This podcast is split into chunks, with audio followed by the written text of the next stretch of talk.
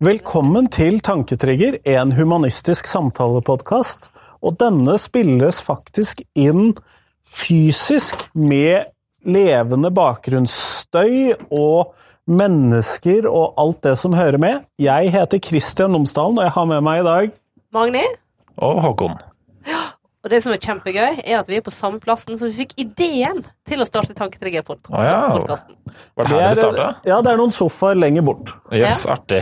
Ja, Da kan vi endelig ha livepodkast her, bare uten publikum. Ja, foreløpig. Ja, Det er jo potensialet for publikum etter hvert. ja. Ja. Så mister kanskje live litt betydning når det ikke er publikum, og det legges jo ikke ut live uansett, men uh, vi sitter her eh, et sted med mennesker rundt, da. Ja. Bare at det ikke er publikum, at de går forbi her. Og det er jo fantastisk etter ja, ett og et halvt, nesten to år eh, på sånn eh, heimekontorpodkast. Ja. Ja. Men hva skal dagens podkastepisode handle om, Nei, kjærleik. Kjærlighet, da, for oss som eh, snakker eh, noe som ligner på østlandsk. Ja, det er greit. Vi kan mindre. kjærlighet. Ja. Nei, kjærleik er penere. Kjærleik er jo et av de fineste ordene, men jeg, jeg må jo innrømme at jeg sier ofte kjærlighet, da. Men Ja. eh, kjærleik er det fineste ordet. Jeg er enig i at kjærleik er finere, men jeg kommer ikke til å si det selv. Ja. Jeg sier kjærlighet. Helt i orden. Men det er det som er temaet. Definisjonen, Christian? Dette er jo litt vanskelig, da. Eh, Det handler jo både om romantikk og erotikk, og det handler om følelser og omsorg og sånn, og jeg vet at innenfor hva skal vi kalle det, en kristne kulturkrets, og innenfor liksom når man skal definere Guds kjærlighet i forskjell fra menneskers kjærlighet for hverandre, så bruker man ulike begreper om dette. Men jeg tenker jo, hva skal vi kalle det, en vedvarende og mer eller mindre forpliktende omsorg for noen som du har ekstra sterke emosjonelle bånd til. Ja, takk. Håkon, har du en? Ja, nei, altså, eh, jeg jeg syns det egentlig var fint. Så, selv om det var, det var fryktelig mange ord, da, men jeg er ikke noe bedre selv. Jeg ville tenkt, eller, jeg pleier å tenke på på en måte at eh, hvis du har kjærlighet for noen, så er det å ja, Omsorg er fint ord, men å, eh, å ville over tid ville en annen person godt er på en måte noe er å ha kjærlighet for den personen, kanskje. Og ønske å tolke dem i beste mening, at de skal være lykkelige uavhengig om de fortjener det eller ikke. Er på en måte, jeg vil ikke si at det er en komplett definisjon, men det er, en, det er den jeg pleier å bruke når jeg skal ha en god nok definisjon av kjærlighet. Da. Ja, og, og da, da er dere jo helt sånn uavhengig av forelskelse og begjær.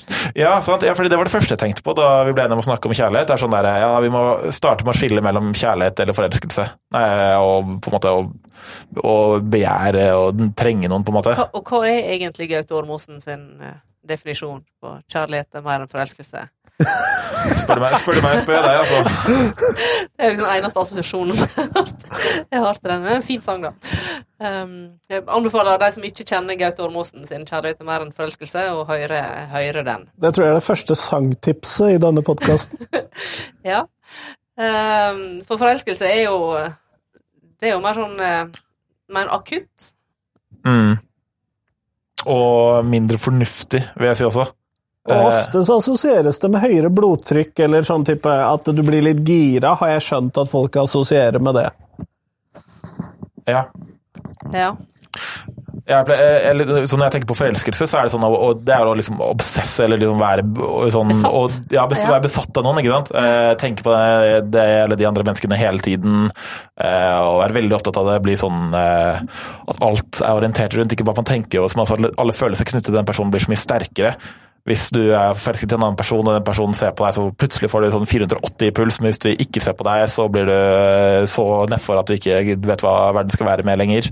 Mens kjærlighet kan være noe mye på en måte større og mer lengre og sånn, eller eh, er Ja, men det? jeg, nå har jeg, eh, jeg er jo godt gift og har vært sammen med han jeg er gift med i 25 år. Mm.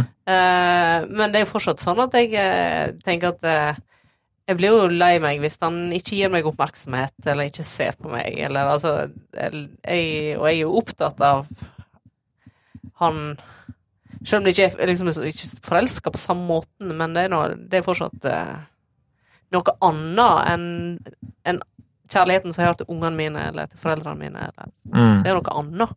Ja. Jeg sliter jo litt med å definere, med unntak av den definisjonen min som inneholdt veldig mange ord. Og, Omsorg. ja, det, og dette er jo det jeg egentlig nå ville fram til, er at for min del så sliter jeg med å skille eh, Hvis jeg skal beskrive det, skille disse ulike formene for omsorg fra hverandre. Fordi at eh, jeg har omsorg for venner, eh, min kone, mine barn, min familie. Eh, Jeg har omsorg for ekser, jeg har omsorg for mennesker som jeg ikke har møtt på lenge, osv. Men hvordan plasseres disse i forhold til hverandre? Jeg vet det instinktivt veldig godt, hva som er forskjellen på alle disse formene for omsorg. Men jeg klarer ikke å komme opp med noen gode kategoriske skiller mellom disse ulike formene for omsorg. Det er Nesten som om kjærlighet skulle være litt mer sånn følelsesorientert og ikke så veldig kognitivt, som du liker å prate om ellers. Det er nesten det er rart, det. Jeg føler meg nesten mobbet. Nei, det var kjærlig hjerting. Ja. Kjærlig hjerting. Ja, det høres, høres bra ut. Det er, um, Men hvordan ville du prøvd å skille mellom disse forskjellige formene for eh, kjærlighet, eller? eller? er jo vans det er jo vanskelig, men det er den dimensjonen av forelskelse og begjær, på en måte. Den er jo der. Men øh, er dere enig i at på en måte skal vi si den, liksom, De andre formene for kjærlighet, for, på en måte, for familiemedlemmer, venner og ekser, eller, og, eller organisasjoner til og med, kanskje, eller fotballag, er jo på en måte Det er mer den kjærligheten som du kan ta med i definisjonen når du tenker deg om. Fordi jeg, jeg vil påstå at liksom, den mainstream, eller hovedtingen folk flest forbinder med kjærlighet, er liksom forelskelse, er hjerter og øh, roser og øh, på en måte romantikk. på en måte. Ja, og det er på en måte liksom, eh, liksom det folk flest tenker på først når man snakker om kjærlighet. Mm. Er, er du enig i det? det? Jo, jeg er enig i at det er det folk flest tenker på som kjærlighet. Det Ja. Ja. Ja, Jeg bare tenkte på Da du, da du prøvde å liksom utvide begrepet da, til at det omhandler mer, som jeg for så vidt er helt enig i, eh, så tenkte jeg tilbake på sånn derre eh, valentinsdagen. Eh, så ser jeg alltid, i hvert fall i feeden min på sosiale medier, så er sånn Husk at valentinsdagen også kan handle om kjærlighet til venner, til en klasse, til liksom andre ting. Og bare, ja, Enig, men eh, det, jeg tror ikke det gjør at de som føler seg ensomme på sånne kjærlighetshøytider, føler seg mindre ensomme plutselig. Nei, altså, og så er det jo altså, sånn som Hvis vi skal over i sånn livssynsperspektivet, så er det jo kristendommen som snakker om kjærlighetsbudskapet. Som er sånn der, Det er dobbelte kjærlighetsbudskapet, Ja, faktisk. dette her skjønner jeg ikke i det hele tatt. Det må du nesten definere til- Det er jeg litt dårlig på, litt sånn i farten, men det handler vel om kjærligheten til andre mennesker og kjærligheten til Gud samtidig, i så fall. Sånn at eh, jeg tror det er noe der. Ja, men Det handler ikke om Guds kjærlighet til mennesker. Jo, men også menneskets Altså den men nestekjærligheten ligger inni det Ja. der dobbelte kjærlighetsbudskapet, så vidt jeg husker. Litt sånn løselig, uten å ha dataskjermen min foran meg, så jeg kan jukse sånn som jeg alltid gjør. Nestekjærligheten, ja, det er jo en altså, nest, Ja, for du har jo på en måte den eh, eh, for, forelskelseskjærligheten sammenlignet med nestekjærlighet. Det er jo en ting som som jeg har lært om på søndagsskolen. Ja. Og det kan jo være litt sånn random omsorg for naboen borti gata. Ja, at du, har, du er på en måte forplikta til å, å ha, ha en omsorg. Det tenker jeg som nestekjærlighet. Ja. Mm. Eh, kanskje. Ja. Er Søskenkjærlighet, da? er det liksom nestekjærlighet, eller er det liksom eh, Nei, det er søskenkjærlighet. Og det litt ironiske med søskenkjærlighet som begrep, er at det ofte handler om alt annet enn kjærlighet. Det handler jo veldig ofte om en sånn beskrivelse av konflikt. Ja, sånn når eh, søskenpar slåss, og så er det bare Nei, det er bare søskenkjærlighet, liksom. Ja? Ja. Ja, men, men, men det, er jo, det er jo akkurat det det er. Fordi at eh, Det å ha et søsken, det er jo det er jo noe du eh, Det er noe helt annet enn noe annet forhold du har, fordi at det er en sånn ting som du ikke kan velge vekk. Mm. Det er en ting som alltid vil være der, som betyr at uansett hva du driver med, uansett hvordan du oppfører deg, så, så vil ikke det båndet forsvinne. Ja. Og det Der- kan vi jo ikke alltid stole på i den romantiske kjærligheten. Nei, og derfor er det helt trygt å drive med alle mulige konflikter i et søskenkjærlighetsforhold. Mm. Uh, for det vil alltid være der. Derfor. Veldig ofte. Men uh, kunne hoppet litt inn, eller hvis dere er med, da, hoppe litt inn i uh, denne sånn romantikk-kjærlighet-delen? For eh, jeg, jeg har mange tanker og meninger om det her. Da, for, eller, eh, Humanist Forlag har gitt ut en bok eh, som snakker mye, som heter Livets skole, som han snakker mye om, eh, om at eh, vi, se, vi eh, mennesker, eller vi i den vestlige verden i hvert fall, har et veldig sånn eh, si, småproblematisk forhold til eh, den såkalt klassiske romantiske kjærligheten. Da. Eh, noe som eh, de forfatterne av denne boken liker å kalle for romantisisme, som er med en ideologi. på en måte.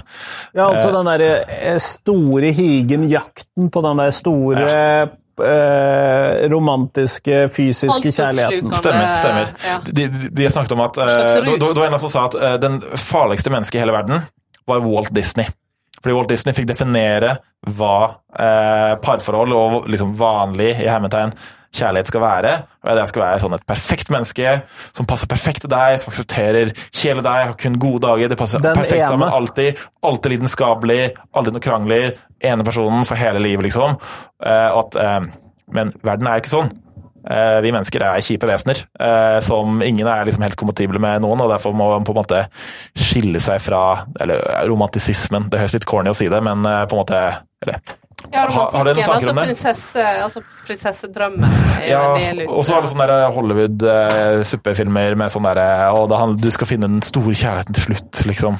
Uh, Den Ja. ene som passer. ja, ikke sant? Ja, som passer 100 eh, som, du skal, eller som, som passer helt for deg, og som du skal akseptere hele det, om de skal akseptere hele deg, og det skal aldri ha noen konflikt og sånn. Ja. Eller, er, er dere enig i den beskrivelsen om at det er eh, litt problematisk, og at sånn er det? Eller eh, Altså, hva er problema... Altså, Det gir jo folk falske forventninger, på en måte, da. Om at eh, når du tror at du er, eller du er ikke veldig forelsket i noen, tenker jeg sånn 'Å, herregud, du passer perfekt sammen'. Eh, bli sammen med den personen, og så 'Oi, shit, det var ikke så bra likevel'. Eh, og så skjer det et par ganger. Jeg tenker sånn 'Å, jeg kommer aldri til å finne den store kjærligheten', liksom. Og så ja, det er hvis du tror at verden er sånn som på film. Yeah. Jo, men jeg tror egentlig ja, ja, men tror, du, altså, tror du at det, ja, hvis hvis, hvis, Disney bygger opp under at vi skal ha større forventninger Jo, men jeg tror at overraskende mange mennesker står i den ideen om Ja, at eh, den romantiske kjærligheten er den derre der oppe, og nå strekker jeg armene i været, da, selvfølgelig for de som ikke ser dette. Så litt sånn høyt der oppe. Ja, for jeg føler til det er noe annet enn å tro at uh, sånne filmtriks du ser i actionfilmer, er virkelighet. Dette er på en måte at det er, det er en så sånn stor inngrodd del i hele kulturen vår eh, hva på en måte kjærlighet er definert som. Da. Ja, at det er noe som flere den, tror I den vestlige kulturen. Ja. Ja, jeg, så jeg skal ikke påstå å vite noe så mye om hvordan kjærlighet er definert andre steder, og hvor avgrensningen går, da. Men jeg tror at eh, det er vanlig, ganske vanlig å tenke at kjærlighet er sånn som på film. Eh, I hvert fall eh, før man er så veldig eh, gammel og reflektert. En, de, eller for alle, alle skjønner at eh, eh, Pirates of the Caribbean og James Bond er filmtriks og tull. Jeg tror ikke alle skjønner at kjærlighetsforhold som vises i Hollywood-filmer, er veldig urealistiske. Tror dere?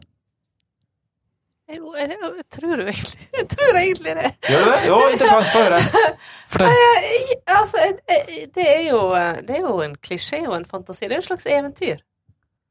Jeg er enig i at det er et eventyr, men Ja. jeg deler ikke din eh, Nei, altså, forståelse jeg av at tror jo at noen kanskje måtte, kan drømme seg vekk i det, men Men eh,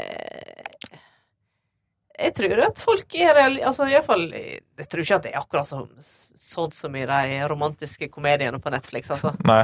Det er, de juleromantiske komediene er jo er for eksempel Men jeg, jeg er jo eh, Jeg har et par sånne guilty pleasures, Ja. og sånne der romantiske komedier på Netflix. Det er de, en de som handler om sånne vertshus og vingårder og sånn som noen skal Ja, og overta, så eller? syns jeg jo noen er litt for ille. Men, men sånn, det, er sånn, eh, det er sånn som jeg kan hvile i.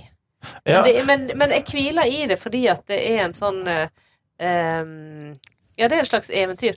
Men jeg er ikke på noen måte i nærheten av å forestille meg at det skal være sånn. Ja, Ok, ja. ja nei, altså, jeg, jeg sier ikke at man skal slutte å se på romcoms, altså. Ja. Eh, Men jeg, sånn, var, jeg var kanskje det da jeg var 16. Ja, kanskje. Ja. eller Men hvor lenge sitter det liksom i? Jeg mistenker jo at noen mennesker er litt sånn innrettet at dette sitter i ganske kort. At du oppdager at det er noe annet, mens andre mennesker har en forventning om at det skal være sånn ganske lenge. Jeg har aldri møtt noen som tror at det skal være sånn Jeg, har- i hvert fall sett masse sånne der, um, små inspirational ting på Instagram og sånn, som er sånn der never settle. Og sånn der, uh, hvis du har en partner som er litt sånn halvkjip eller ikke sånn uh, Selv om ingen er perfekte, så skal du på en måte ikke ikke akseptere å ende opp med noen som uh, ikke er bra nok for deg. på en måte Du fortjener noen som behandler deg så og så bra, osv. Og, det er på en måte delvis sant, Og da tenker vi vi også på ting som ikke er direkte røde flagg. ja, ja, ja, jeg snakker ikke om sånn der eh, aksepter å eh, være sammen med en barnemorder, liksom. Eller noe sånt. Ja, det er ikke det jeg snakker om. at noen ikke ja. alltid lar uh, håndkleet ligge på, på, på Ja. gulvet på bare deg, på en måte. Jeg bare tror at det er uh, en litt skummel ting at det, man forventer så veldig mye.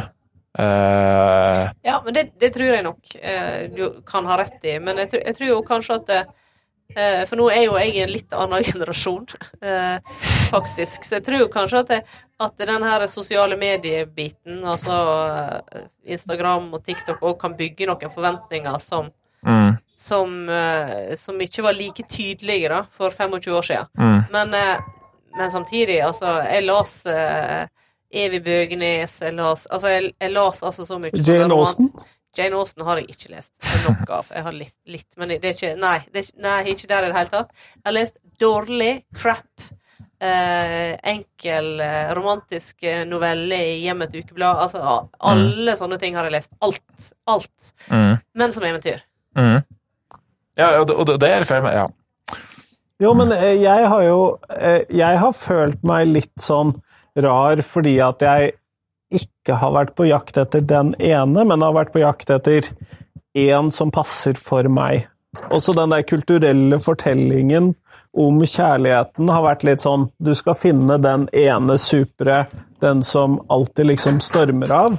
Mm. Uh, mens jeg da har følt det litt sånn rart at jeg har vært på jakt etter en som passer for meg, og det kan være en av relativt mange mennesker som jeg tror jeg potensielt kunne passe med, og så er jeg veldig glad for at jeg passer med min kone. Mm. ja men man tror ikke du at det er fryktelig mange godt voksne mennesker langt opp i 30-40-50-årene som fortsatt tror at det finnes noe som heter soulmates og sånn? Altså Jeg sjelevenn, liksom? elsker at du startet med godt voksne mennesker i 30-40 år. Nå, nå, nå, nå, skal, nå må vi presisere for publikummet vårt her at vi har en i 20-åra, en i 30-åra, en i 40-åra. Så vi er godt spredd. Ja, Ja. eh, ja. For å ikke henge oss opp i digresjoner, tror ikke du Magne, at det er ganske mange voksne mennesker som fortsatt tror at det finnes noe, noe som heter soulmates? Spoiler, jeg tror ikke det. Jeg tror ikke det. Nei, ja, ok. ok. Du, Nei, jeg er så Magne, du, du, nei, nei det er bare, du er fryktelig rasjonell, eh, Magne. Du er Ja, alt, det, alt for det er helt rett. Ja. helt rett. Uh, Ja, nei, men altså, jeg tror drømmer, jeg tror at noen drømmer om soulmates. Det tror jeg nok. mm, Uh, men det er nok de som Nei, nå jeg, jeg tror jo at at du kan finne noen som treffer Jeg har funnet noen som treffer meg intellektuelt. Ja. Og det er jo en form for soulmate. mm, Men jeg vet jo at det fins Det kunne vært mange. Men jeg var heldig å møte ganske tidlig noen som traff intellektuelt, eh, og som fortsatt gjør det. Eh, og, og det er jo en form for soulmate, det. Men eh, eh, Men det er jo noen som går og drømmer om noe som Som kanskje ikke er der. Altså jeg vet ikke, Det er forferdelig vanskelig å diskutere. Altså, det, her er fem, det er 25 år siden jeg eh, var singel sist. Men, men, 26 år. men kanskje litt nyere erfaring, Magne. Du driver jo også vier folk. Ja. Ja. Eh, Der møter du vel ganske mange personer litt sånn på høyden av forelskelsen, vil jeg kanskje tro. Noen litt mer sånn Og veldig variert. Noen som er helt sånn tidlig i livet, i den stormende forelskelsen, som, som har bestemt seg for å gifte seg, og noen som har vært gjennom en tre-fire ekteskap, og, Ja. og endelig har funnet noen som som de møter liksom riktig, eller noen som som egentlig er veldig lite reflektert rundt, rundt det. Ja. Eh, men som syns det Ja. Så det er jo veldig forskjellig. Mm, Eh, jeg syns det er Jeg må innrømme at jeg syns det er aller kjekkest. Skal, det er bare et par dager til jeg skal gifte noen neste gang, og det er liksom av typen aller kjekkest. Og det er de som, som har et par litt rufsete ekteskap bak seg, eh, og har bestemt seg for å gifte seg med hverandre, og som gjør det bare for hverandre. Ikke for noen andre. mm. Ikke fordi det betyr noe for ungene deres eller for foreldrene deres. Eller for noen andre. Det er bare fordi at jeg syns det er viktig for de to. Mm. De syns jeg er det aller kjekkeste gifte. For da har de på en måte valgt hverandre og bestemt seg for at ok, nå Det her er det som gjelder. Da går det gjennom litt forskjellig. Hvorfor syns du det er det vakreste, på en måte? Nei, det er, det er vanskelig å svare på. Eh, Jeg er enig, eller sånn det resonnerer med på en måte at jeg hadde sikkert syntes det var veldig vakkert og fint, jeg også. Jeg bare lurer på hvorfor. Jeg, sy- nei, jeg, altså, jeg syns det er mer spennende å snakke med deg. Altså, Ja. har jo, når du er humanistisk vigsler, så har du ganske, inn, altså, ganske i, lange samtaler med paret om de humanistiske verdiene, altså om kjærlighet, om likeverd og gjensidig respekt. Og, Mm. og de samtalene som jeg har med deg, er mer spennende og da får jeg til en bedre, altså en mer spennende tale, og et mer Mm. eh, Syns jeg, da. Men jeg, men jeg syns òg det er utrolig spennende å snakke med folk helt i starten av livet, som, som ikke har unger, og som, som er liksom eh, Kanskje har holder på å bygge det der eh, liksom mer sånn romant... Nei, det er ikke mer romantisk, men det er mer sånn klisjéaktig, Mhm. prinsesseaktig. Det du kaller romantisisme, kanskje. Ja. Eh, den er der det, altså, det kan godt hende at det er en sånn generasjonsting. Altså, den, eh, at en har mer av det eh, tidligere i livet ja. enn en enn etter hvert. Jeg vet ikke. Jeg vet ikke, jeg har ikke viet noen før. eh, Eller vært gift før. nei. Men uh... Jeg har jo prøvd å gifte meg når jeg var to Nei, hvor gammel var jeg når jeg giftet meg? Ja? Skal vi se. Jeg var 23 når jeg giftet meg, og så ble jeg skilt når jeg var 25. Ja. Og så har jeg giftet meg om igjen nå når jeg var uh, 35 pluss. Jeg husker ikke helt når jeg giftet meg. ja. Uh, På andre sida av pandemien. ja, nei, det var midt i pandemien, midt I faktisk. pandemien, ja. Uh, midt mellom to sånne nedstengningsperioder, så det var mulig å ha fest. ja. ja. Etter 2020, da. Eller sånn cirka. Ja, i 2020, faktisk. Ja. Eh, så er det bare det å komme på hvor gammel Jo, da var jeg 35. Ja, fint. Da har vi, da har vi Ja. Og regnet. Ja. Eh, og jeg vet ikke om mitt forhold til det å gifte seg var så veldig forskjellig. Og jeg tror ikke jeg følte at jeg måtte gifte meg, for vi hadde jo allerede barn når jeg da giftet meg første gangen. Mm. Og andre gangen så hadde jeg jo ikke tenkt å få barn. Så da var det jo ikke Ja, men, ja, men, eh, men var motivasjonen for å gifte seg lik? Det handlet nok i stor grad om ordnede juridiske forhold. Sitat leder for Humanitisk Forbund. Ja. Og det syns jo jeg er veldig viktig, Håkon. Ja, ja, ja. Nei, men hva, var hva var din motivasjon for å gifte deg da, Magni? Um, Når, når var det, for det første? Det var det, det var når vi hadde vært gift vært i lag i ti år og fått to unger. Ja. Så var det på tide å gifte seg for å få ordna juridiske forhold. Nei, det var ikke bare det. Men det handla jo òg om, om at en hadde bestemt seg. Eh, en hadde eh, var, ville på en måte eh, si Jeg hadde iallfall lyst til å si til omverdenen og til verden at ok, vi har bestemt oss for at det er oss. Og, og, og, og det symbolske i det. Jeg hadde lyst til å feire det og lyst til å ha det symbolske. For vi hadde jo på en måte ja da, vi hadde to unger, vi hadde hus og bil og alle mulige ting. og Ingen på en måte så godt knytt sammen som det er mulig å bli uten å gifte seg. Mm. Eh, og så er det jo mye Ja, for det er det boliglånet er jo det forpliktende. Ja, vi tok unger før boliglån, da. Som jeg syns er rimelig forpliktende. Ta, ta på deg bolig før unger, altså. Ja. ja.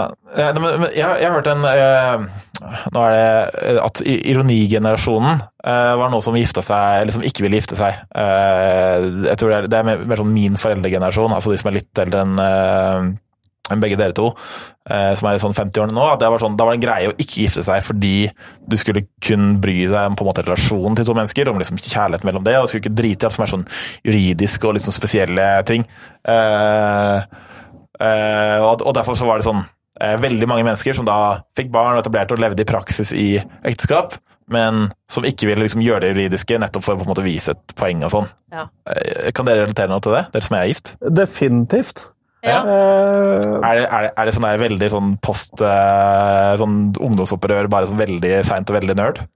Jo, men jeg tror jo fordi at jeg opplever ikke noe behov for å gifte meg av en sånn, hva skal vi kalle det, emosjonell eller et eller annet greie, fordi at det forandrer jo ikke på mine følelser for min partner. Nei, ikke?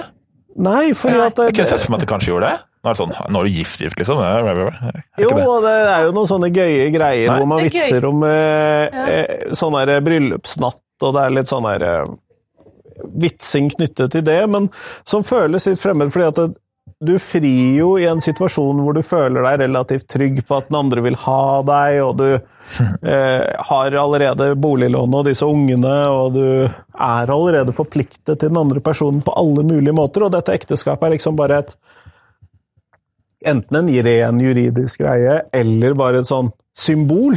Ja, det er symbol og feiring og markering. Altså, vi, altså, vi hadde jo diskutert at vi skulle eh, gifte oss før eh, Nå vet jeg ikke om hvor personlig jeg skal være, men vi hadde jo diskutert før vi ble sammen, så hadde vi diskutert eh, eh, hvorvidt hva slags seremoni en skulle ha i kirka eller ikke. Mm.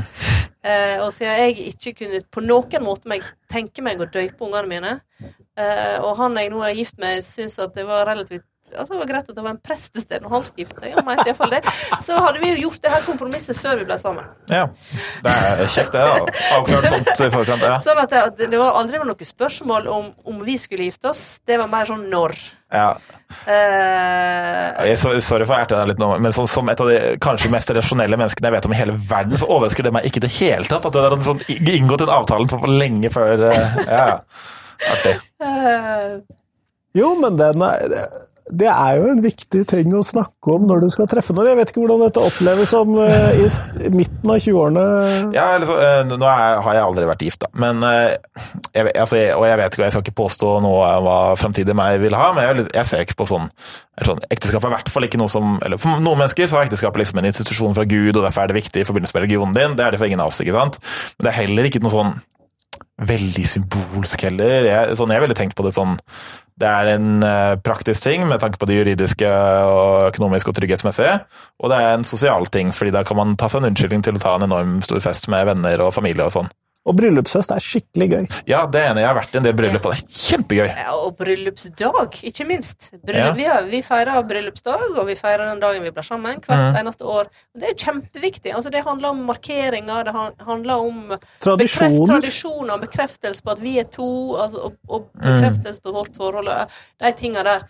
Eh, og det å ha de dagene, kjempeviktige. Ja, altså, jeg har vært forlover og jeg har vært toastmaster i bryllup og sånn, så det er, veldig, det er fantastiske saker, altså.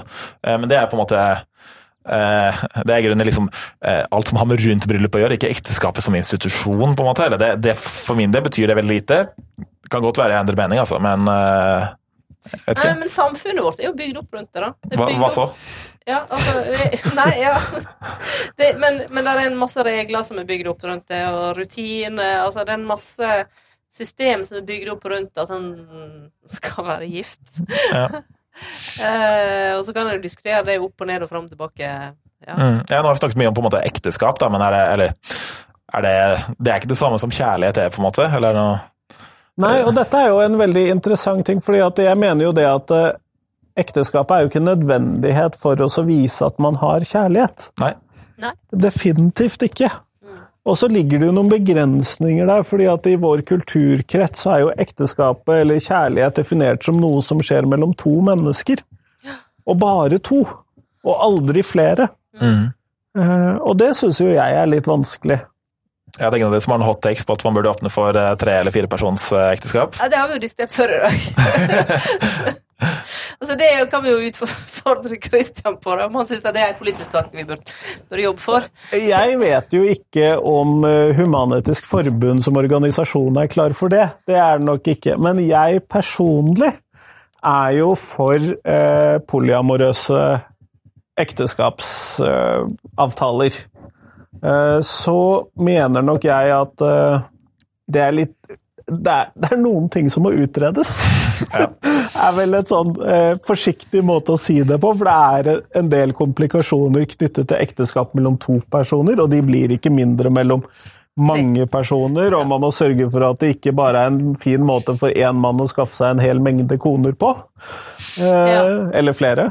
Ja. Han trenger jo ikke å ha veldig mange mer enn to. Eh, sånn at eh, jeg tenker at det er veldig mye arbeid som må til hvis man skal lage forpliktende eh, relasjonskontrakter mellom flere mennesker enn to. Men som rent prinsipielt så mener jeg det at eh, staten skal ikke egentlig legge seg opp i hvor mange personer som ønsker å forplikte seg til hverandre. Interessant. Så vil jeg bare veldig useriøst påpeke at systemutvikleren i meg er eh, veldig imot det. For det hadde gjort veld, alle IT-systemer som har med ekteskap, veldig mye vanskeligere. For da tar du noe som er en én-til-én-relasjon og gjør det til en mange-til-mange-relasjon, og det kan være fryktelig vanskelig. Jo, og dette blir jo mer komplisert. Ja, og det tror jeg sier noe om hvor vanskelig det er utafor selve dataverdenen. Men dette blir jo mer komplisert, Håkon, for at du kunne se for deg at dette gjaldt sånn eh, relasjon én til, eh, Altså én person har én relasjon til én, én relasjon til to, én relasjon til tre. Og da mener jeg altså person én, to og tre. Ja. Men det mer kompliserte blir jo når man snakker om reelle polyamorøse forhold. Ja, hvordan er relasjonen mellom person to og tre og, og, Ja, og to og fire og sånn, sant? For Ja. det er jo ikke noe nødvendigvis noe krav om at de skal være likeverdige i en, i en sånn eh, i Men en samtidig sånn, så er det jo også en mulighet, og jeg Ja. tror nok at det er sunnere sånn likestillingsmessig sett i et parforhold, at alle sammen er sammen med alle i det parforholdet. Ja. eh, ja. Så, så kan noen som faktisk er polyamorøse, mene at jeg tar feil i det, for det har jeg helt sikkert feil i. ja, det her aner ikke jeg. Men tilbake til, til den andre om hvordan at ekteskapet egentlig ikke har noe med kjærligheten å gjøre, nødvendigvis. Det er mer sånn praktiske greier. Men jeg syns jo ekteskap er en måte å markere kjærlighet og verdsette kjærlighet og eh, bekrefte kjærlighet på, som er veldig fint. Eh, og som jeg tror vi trenger, og som jeg syns at er viktig. Ja, Ganske dyrt, da. Kronglete og sånn. Trenger Skal- ikke være det. Du kan ta bare sånn juridisk. Jeg skal komme, jeg. Når du... Ja, ja. Jo, men, og det kan være dyrt, og det kan være mindre dyrt. Uh, I en sånn Du trenger jo ikke å invitere hele slekta og alle vennene dine på treretters middag på fancy hotell i nærheten. Det er veldig gøy. Jeg, skal, jeg har uh, fire vigsler framfor meg de neste fire månedene. Mm. Uh, tre av dem bare meg og paret. ja. Er det nok vitner? Ja, der er noen vitner i tillegg, men de er mer sånn eh, fotografen og, og, og Ja, det er sånne som du bare har med deg. Ja, sant. Eh, så det, for, for de handler ekteskapet om å bekrefte det som er mellom dem. Mm. Vi gjør det for så vidt for de som har med gjestene sine òg, men de, de, ja, de velger å gjøre det litt på en litt annen måte. Men eh, det er eh, den der, Det du snakker om i sånn romantisisme-saken, som er den der forventninga om den der perfekte kjærligheten og det perfekte bryllupet og Mm. eh, alt det der Den store hvite kjolen. Den store hvite kjolen og sånn, den er jo dyr. Hvis du skal fylle de Ja. drømmene. Sant? Ja, altså, så, jeg, jeg sier ikke at det nødvendigvis er en på en måte dum ting, jeg sier bare være bevisst på det. og sånn, ja, Verden og vi mennesker er kjipere enn uh, man tror. og sånn, Men tror du at noen kan bli mer sånn forelska i ideen om uh, den romantiske drømmen enn sjølve personen? I hvert fall kortvarig, ja. Mm. Tror du? Ja, jeg, jeg tror at det kan være noen ganger De gangene det ikke går så bra, eksempel, så handler det kanskje om at en er mer Ja. for, At en blir forelska i den romantiske ideen, og så glemmer en eh, liksom folk, folka oppi det. Ja. Og så har man jo tidvis vitset om da, at man gifter seg fordi at eh, man har ikke noe lenger noe mer å prate om. Mm. På samme måte som Ja. at når man ikke har noe mer å prate om, så får man enten en ny unge, eller pusser opp et kjøkken, eller Jeg har også hørt at det er liksom sånn det siste samtaletemaet eh, som fins liksom nederst på blokka når du er ferdig med absolutt alt annet. Er sånn, «Ah, ok, fuck it, skal vi stå, oss? Skal vi gifte oss? Ja.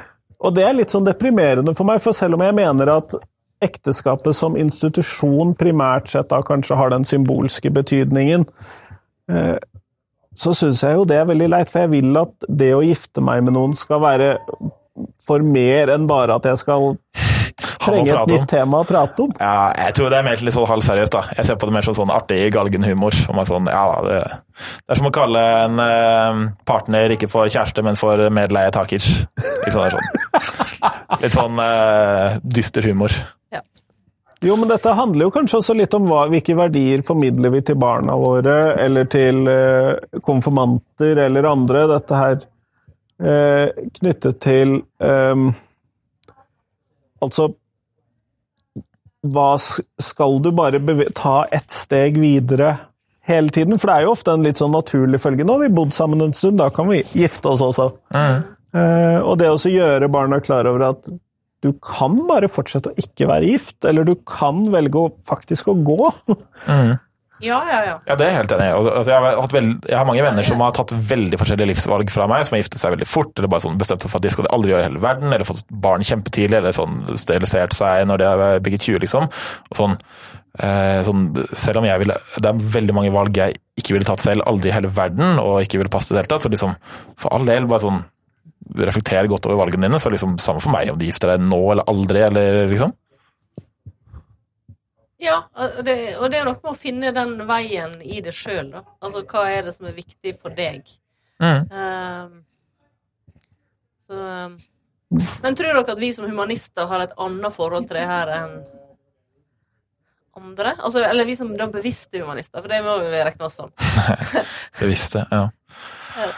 Jeg kan i hvert fall være ganske sikker på at det ikke er noe sånn derre Du føler en mer eller mindre konkret forpliktelse overfor Gud, som jeg tror kanskje er litt flere eller til å på en måte gifte deg. Som jeg tror kanskje Blant de sånn 5-10% med ganske De som vi kaller aktive kristne, da, kanskje. Ja, eller Det er mange som har en eller annen litt sånn vag følelsesmessig relasjon til liksom kirken og ekteskap og Gud og sånn. Ja, det føles litt riktig, på en måte. Den er, vet vi at ikke er noen av oss her, kanskje? Nei. Jeg vet ikke, kanskje? Jeg kan være ganske sikker på at nei, jeg følger ikke på det. Nei, ja. Men, Men eh, skal vi ja. ta oss og runde av for i dag? Ja. Mm. Hvor finner vi oss? På eh, tanktrigger.no, nettsida. Der finner du alle måter å kontakte oss på. Eh, Instagram har vi, Facebook har vi, og hvis du vil sende oss et notat om kjærlighet, eh, så tar vi imot på tanketrigger.gmail.com. Kan være kort notat, langt notat, kan være ett ord, eller ja. Vi tar det gjerne imot innspill. Bye.